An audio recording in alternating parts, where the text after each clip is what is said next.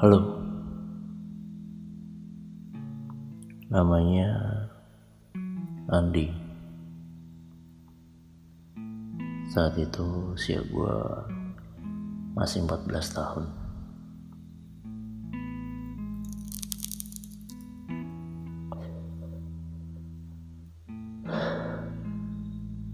Dia seorang pemuda biasa. Tinggal di dekat rumah gua arah setiap kali gua pergi ke surau. Teman-teman gua di surau sudah pada akrab sama dia. Karena gua anaknya jaim mungkin dari semua teman-teman gue cuma gue yang gak mau kenal saat itu gue gak tahu nama dia Andi.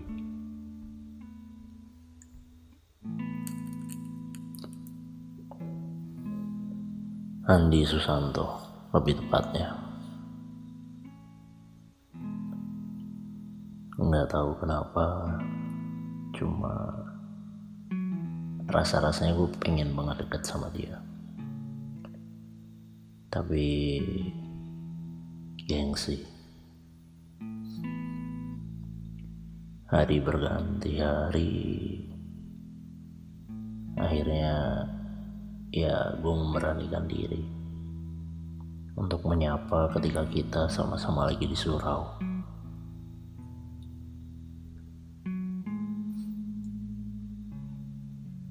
Terkaget lagi. Setelah beberapa waktu dia ada di salah satu arisan keluarga gua.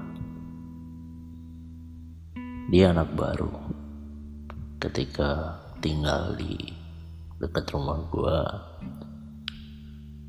Rumah itu dulunya kebun kosong, lalu dibangun rumah dan tinggallah sekeluarga di situ.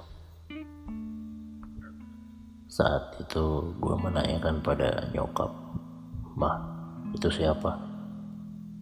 Nyokap mau bilang nanti juga tahu. Jadian itu dua bulan dari si Andi ini pindah sekeluarga bersama bapak ibu dan kakak perempuannya. Di saat acara keluarga itu, Pak D gua memperkenalkan. Ternyata keluarga Andi ini adalah keluarga yang dulunya ikut sama kakek gua Akhirnya mereka membeli tanah dan membangun sebuah rumah di situ. Karena tidak punya keluarga lain, akhirnya keluarga Andi dianggap sebagai bagian dari keluarga kami.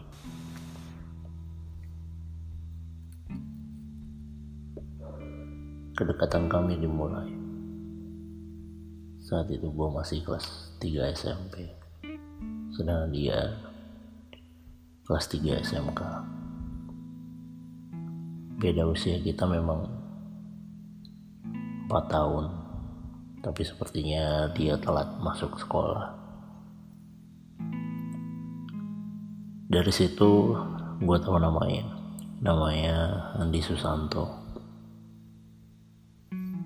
Dan nyokap menyuruh gue manggil ibunya Budi dan bapaknya Pak D.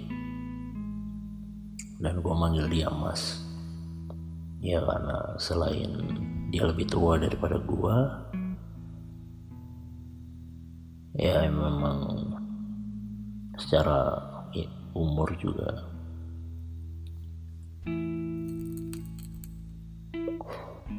hari-hari berlalu begitu saja. Nggak ada yang beda. Karena setiap hari setiap ke surau gue selalu lewat di depan rumahnya ya. Gue jadi akrab nyokapnya berjualan sate. Setiap sore dia motong kambing untuk dijual. Pada awalnya gue cuma bantuin doang. Pulang sekolah sambil main gue ngeliat proses pemotongan kambing. Sampai gue belajar ngulitin kambing nanti kalau sudah mendekati maghrib gue pulang mandi dan sholat maghrib hubungan kami dekat sangat dekat. Rumah Andi sudah kayak rumah kedua buat gue kadang pulang sekolah gue juga ke warung bantuin nyokapnya Andi si Bude untuk jualan sate.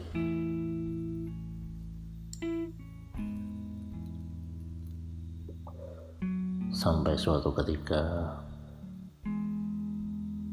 sepulang sholat isya Nandi bilang ke gua. Dia bilang dek boleh nggak ya kira-kira kalau rumah Bude itu kita bersihin kita tinggal di sana. Kaget memang saat itu. Di samping rumah gue memang ada rumah kosong. Itu punya bude gue yang tinggal di Jakarta. Saat itu gue bilang ke Andi iya nanti coba aku telepon bude buat minta izin boleh enggak besoknya gue telepon. Si bude bilang pakai aja kalau mau pakai. Ya gue dengan senang hati gue ngomong sama Andi. Gue bilang mas kata Bude boleh pakai aja.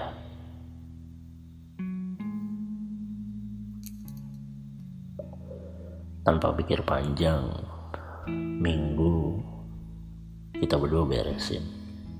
Bersihin semuanya. Kita pakai satu kamar buat kamar kita berdua. Ya kita tinggal berdua. Ketidakdekatan gue dengan keluarga gue membuat gue merasa senang ketika tinggal bareng sama Andi gue ngerasa seneng. Akhirnya selama ini gue gak bisa cerita ke siapa-siapa kalau sedang ada masalah. Akhirnya gue menemukan tempat untuk cerita. Gue bisa cerita apa pun sama dia dia bisa cerita apa pun sama gue benar-benar. Apa yang gue rasa kosong semenjak ada dia gue merasa tenang. Gue nggak tahu cuman saat itu gue nyaman. Nyaman banget sama dia. Gue sayang mungkin sebagai abang gue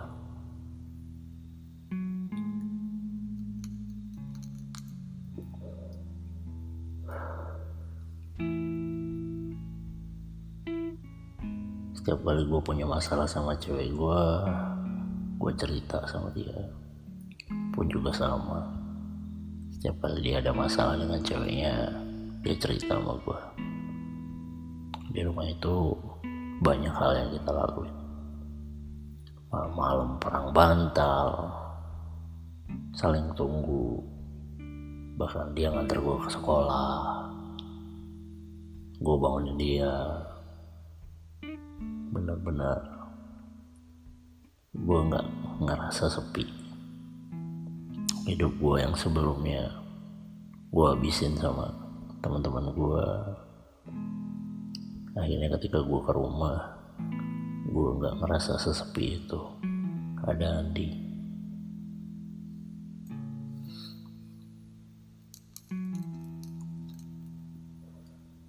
Entah kenapa gue ngerasa nyaman.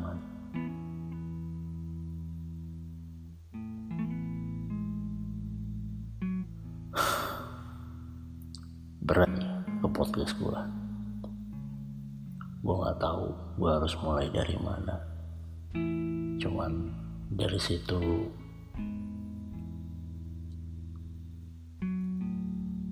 gue ngerasa memang gue berbeda. Gue nggak tahu gue nyebut apa bromance kah apalah itu. Cuman gue nyaman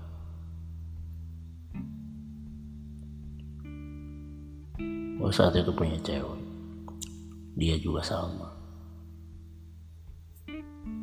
Pernah suatu ketika gue cerita.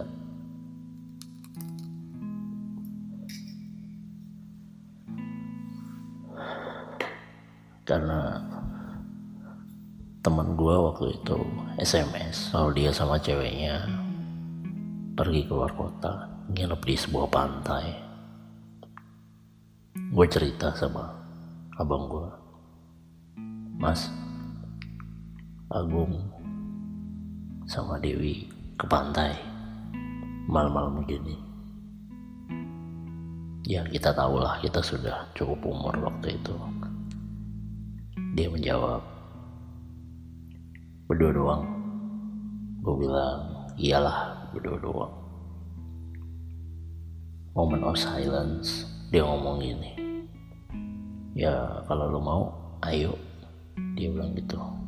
Gue bingung, maksudnya apa. Terus tiba-tiba, ya hening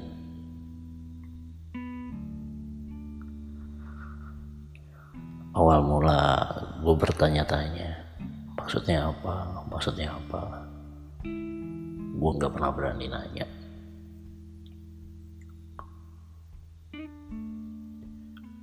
Andi adalah sosok abang yang baik.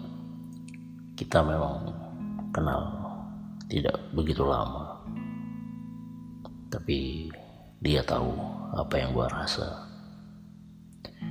Pernah suatu ketika pas dia belajar karena besok ujian gue masuk kamar dan gue cuma diem ngeliatin dia nggak tahu saat itu benar-benar uh, blank atau apa gue nggak ngerti. Waktu itu masih zaman kaset gue punya kaset Iwan Fals. Saat itu gue muter kaset itu dan lagu pertamanya adalah sore itu ku pancoran.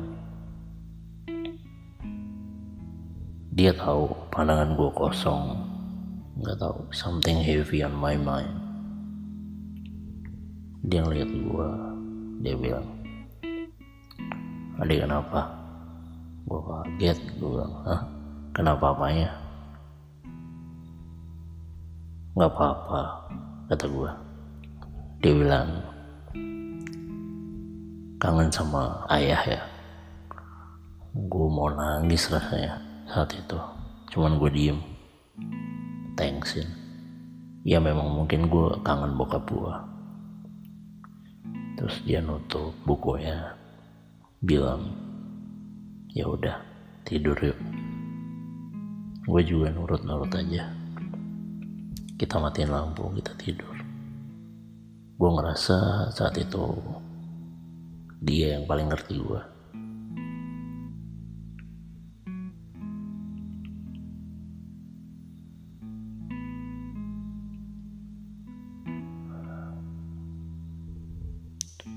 suatu ketika gue terbangun subuh-subuh. Karena kebiasaan kita memang subuh pasti udah dibangunin sama nyokapnya dia. Karena abang gue harus nganterin nyokapnya dia ke pasar buat belanja jualan sate. Gue terbangun sebelum subuh saat itu yang gue sadari tangan dia udah ngerangkul. Meluk gua pas tidur gua nggak ngerti. Gua ngerasain ada yang beda. Gua, gua ngerasain perasaan yang sangat berbeda. Rasanya aman mungkin kalau laki-laki pada umumnya dia bakal geli kan gak tahu kenapa gue diem dan gue menikmati.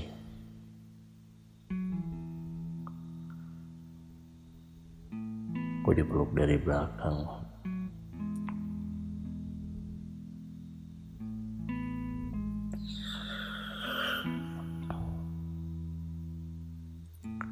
Gak tahu. Mungkin itu awal mulanya. Dan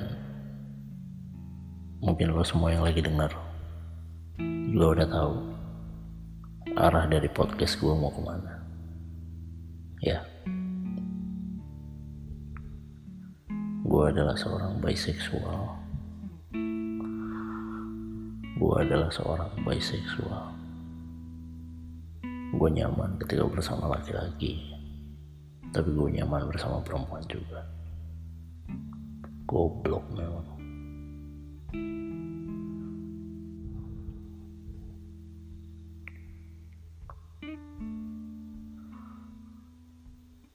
Saat itu di hari-hari berikutnya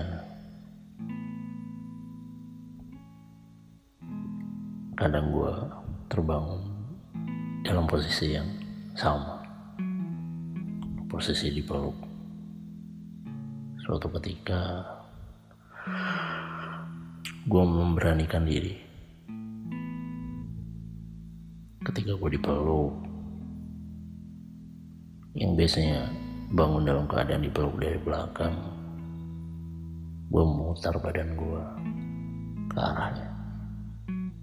Tepat di depan mukanya dia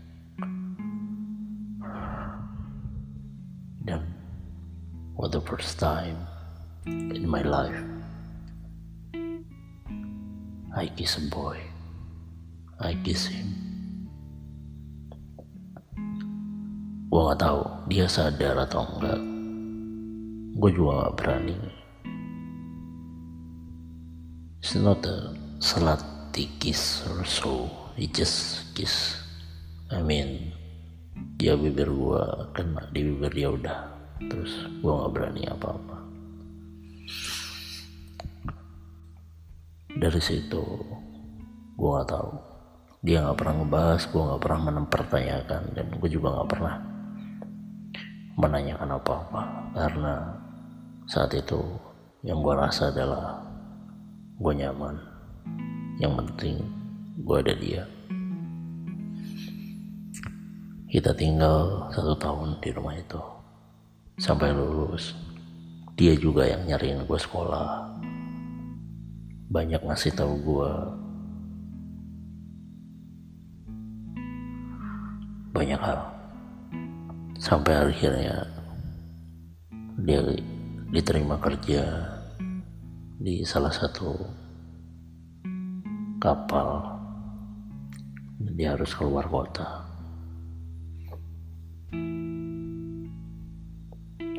itu mungkin saat salah satu saat terburuk buat gue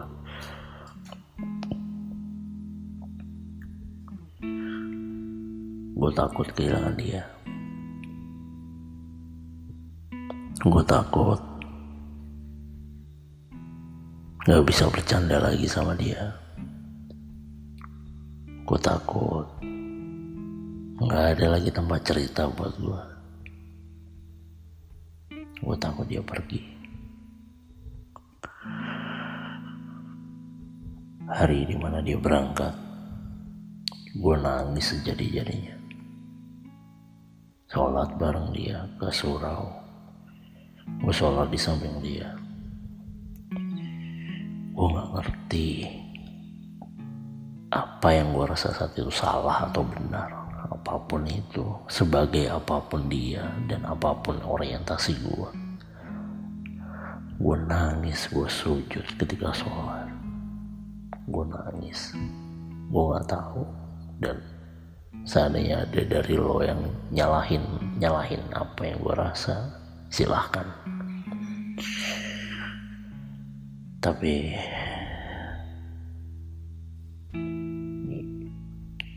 ya gue nangis saat pas pergi pun gue juga nggak berani natap dia. Gue takut gue nangis gue cuman pas dia pamit gue iya terus gue nunggu di samping rumah nunggu dia berangkat. Sampai yang paling parah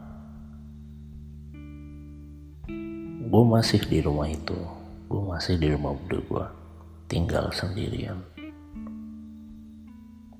Setiap tidur bajunya dia gue taruh di samping gue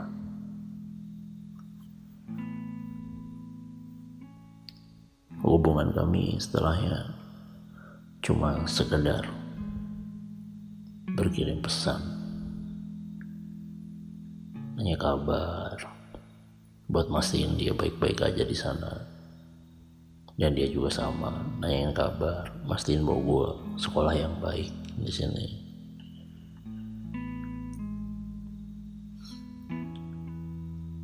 sampai setahun pas lebaran akhirnya dia pulang gue nungguin. Dari jam 12 malam sampai hampir subuh.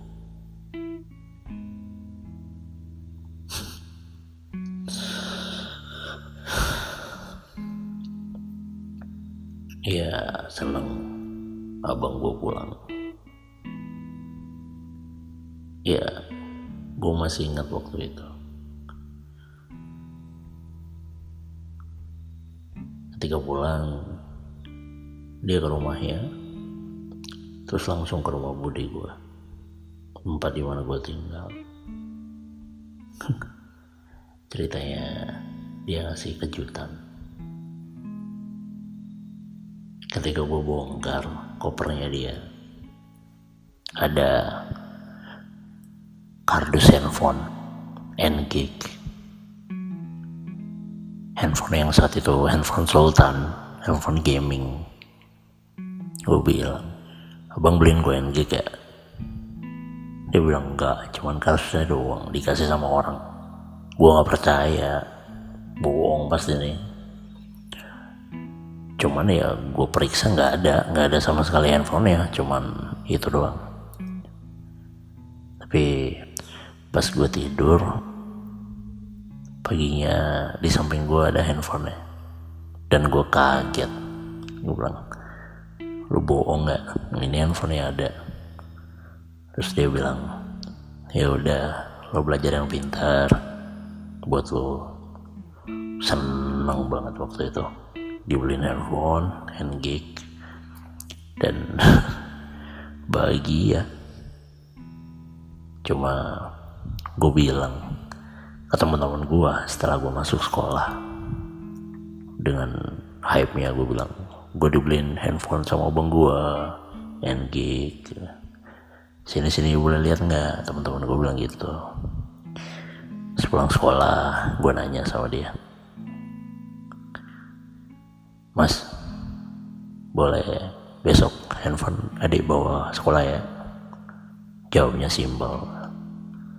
Lo mau sekolah apa mau main game? Mau pamer handphone lo? Kata abang gue. Gue bilang, oh boleh lah. Dia bilang, kalau lo mau pamer, mendingan handphonenya balikin. Gue gak berani. Gue bilang iya. Itu handphone disimpan di laci gitu kan besok paginya gue bangun duluan gue ambil handphonenya diem diem gue bawa ke sekolahan. Terus ya kan namanya juga handphone yang gak diridoin handphonenya jatuh. Hancur layarnya. Gue gak berani pulang. Sore jam 6 baru gue pulang dijemput. Gue bilang maaf handphonenya mas hancur. Dia diem. Diem dan saat itu gue didiemin sama dia selama satu minggu. Gue gak berani nanya gue gak berani. Gue gak berani gak berani sama sekali. Akhirnya uh, gue dikasih duit sama kakak gue cewek buat benerin handphone. Gue minta maaf sama abang gue tapi akhirnya juga tetap aja dimaafin. Cerita kocak.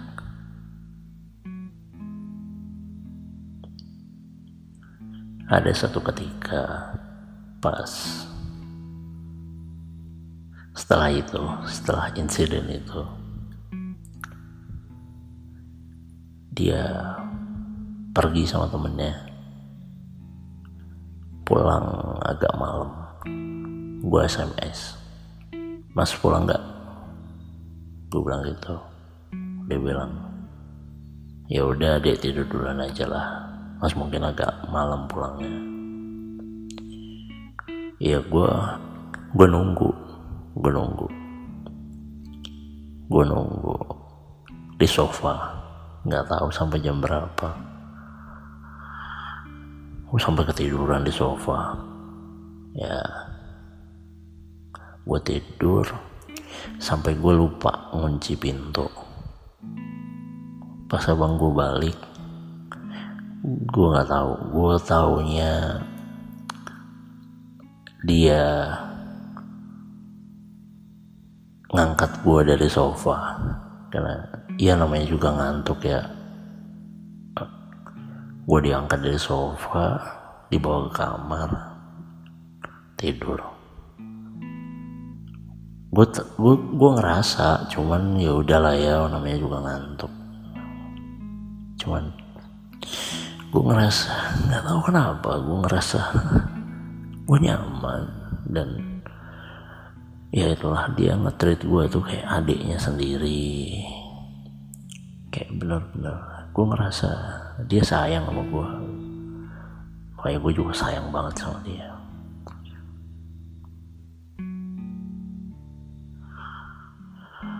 banyak banget sebenarnya kenangan ketika gue tinggal sama Andi. Gue nggak pernah sih ngomongin masalah apa-apa. I mean kayak gue gak pernah bilang kalau gue ada sexual orientation yang berbeda atau gue juga nanyain ke dia enggak gue cukup nyaman dengan hal itu dan gue tidak mempertanyakan banyak hal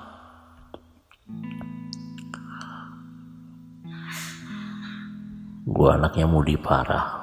Pernah suatu ketika waktu itu.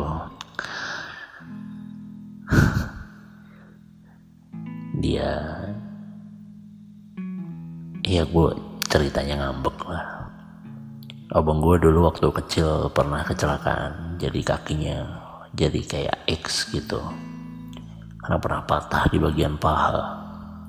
Dan ya sampai sekarang kayaknya masih kayak ngebekas gitu. Maksudnya kakinya yang kanan itu kakinya yang kanan itu kayak jadi eh, nggak uh, kuat gitu ketahanannya tuh nggak banyak. Gue ngambek kamar udah mati lampunya. Gue pindah dari sofa masuk kamar. Gue langsung aja ngerebahin diri itu jatuhin diri ke kasur. Gue nggak lihat kalau dia itu ada di situ dan kena kakinya dia. Dia sempat teriak anjing gitu. Gue cuma diem. Cuman dia juga marah ke gue gitu. Karena waktu itu gue ngambek gara-gara dia, dia yang salah sih cuman gue lupa salahnya apa. Yang penting gue ngambek waktu itu terus ya gue feeling sorry banget sih sebenarnya cuman gue juga gak mau ngomong. Aduh. Ya kayak gitulah hubungan kita. Tapi itu nggak lama sih. Sampai lebaran ketiga.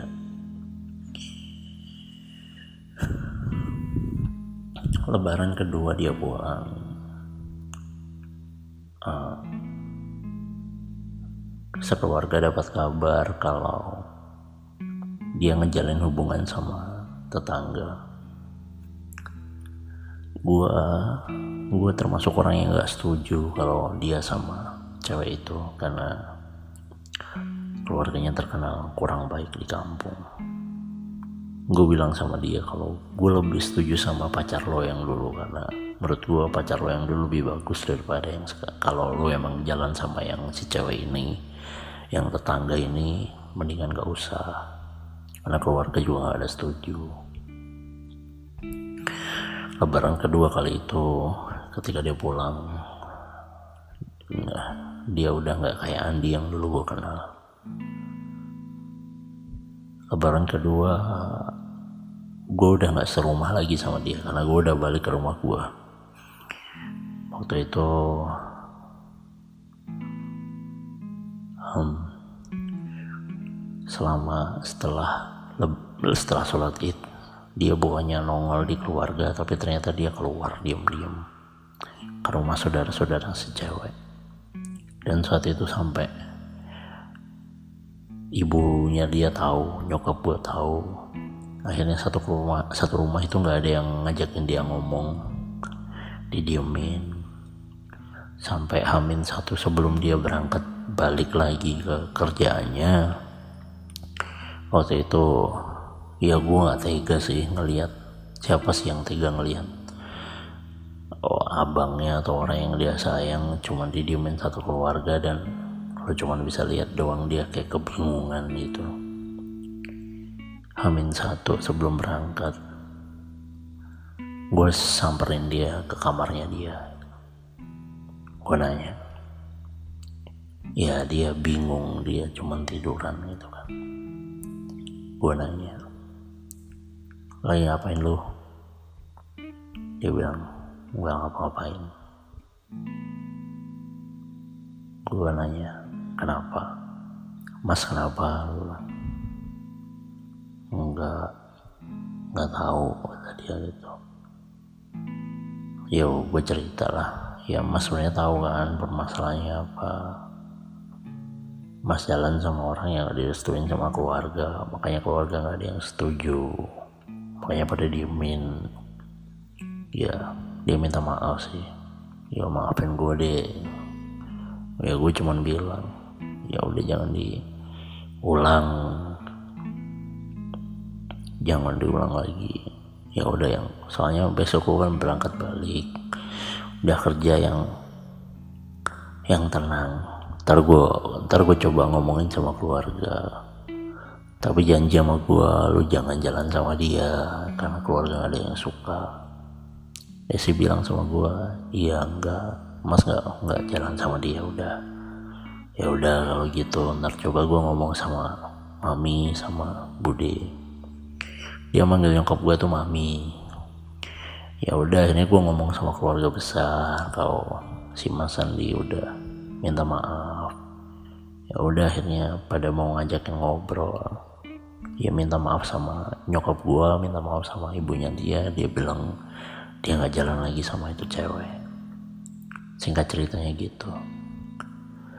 Sampai pas dia pergi ya ya dia bilang sama gue gue janji nggak bakal lagi deketin sama si cewek ini. Dia salaman sama gue dan namanya juga laki-laki ya. Sama-sama laki-laki egonya tinggi. Gue nyesel sih waktu itu kenapa gue gak lakuin gue waktu itu sore gue lagi bantuin bude gue motong kambing. Dan saat itu juga abang gue harus balik diantar sama padik gue ke terminal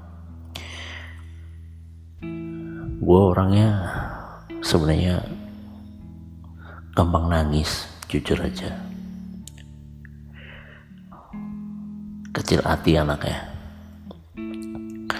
Pas waktu itu dia nyalamin gue ngasih duit. Gue masih inget 150 ribu pego dia ngasih gue gue nggak mau. Gue bilang buat apaan sih lo yang butuh? Gue nggak butuh duit gue bilang gitu. Dia cuma bilang kalau lo nggak terima duitnya berarti lo bukan adik gue ya udah mau nggak mau gue ambil.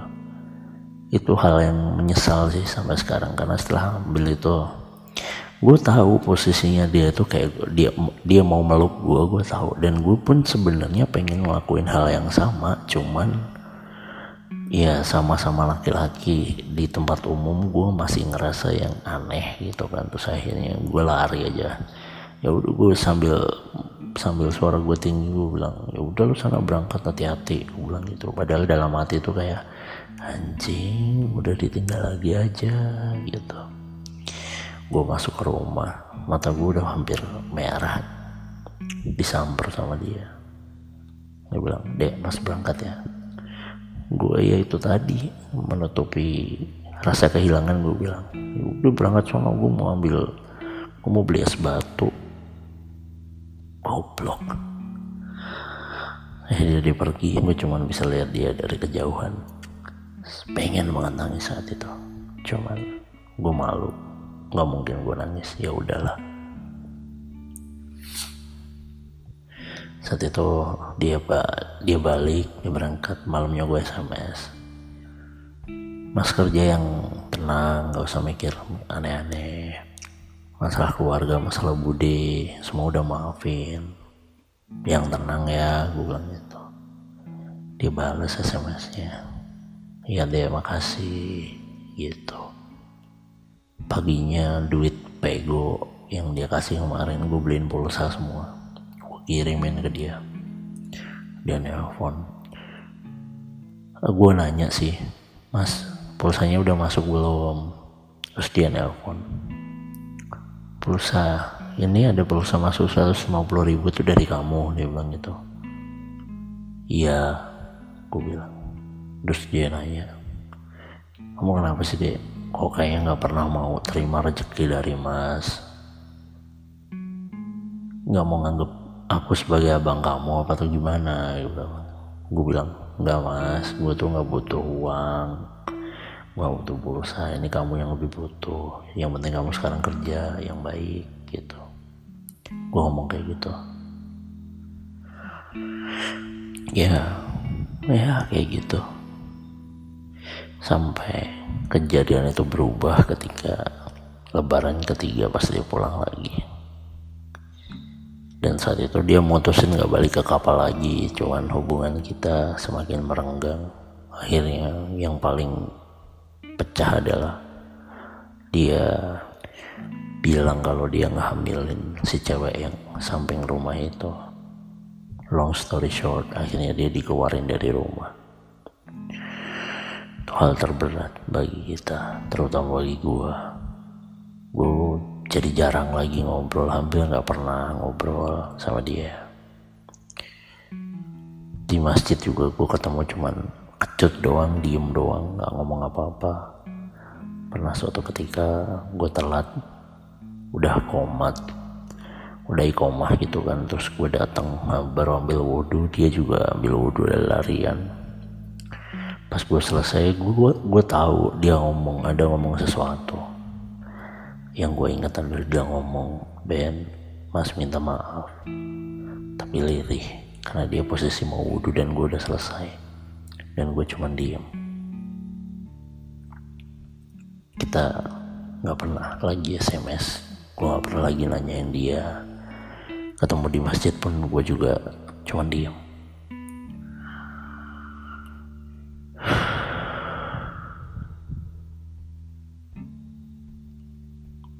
Itu cerita awal gua. Yang sampai sekarang gua gak pernah lupa. Karena bagi gua dia abang terbaik buat gua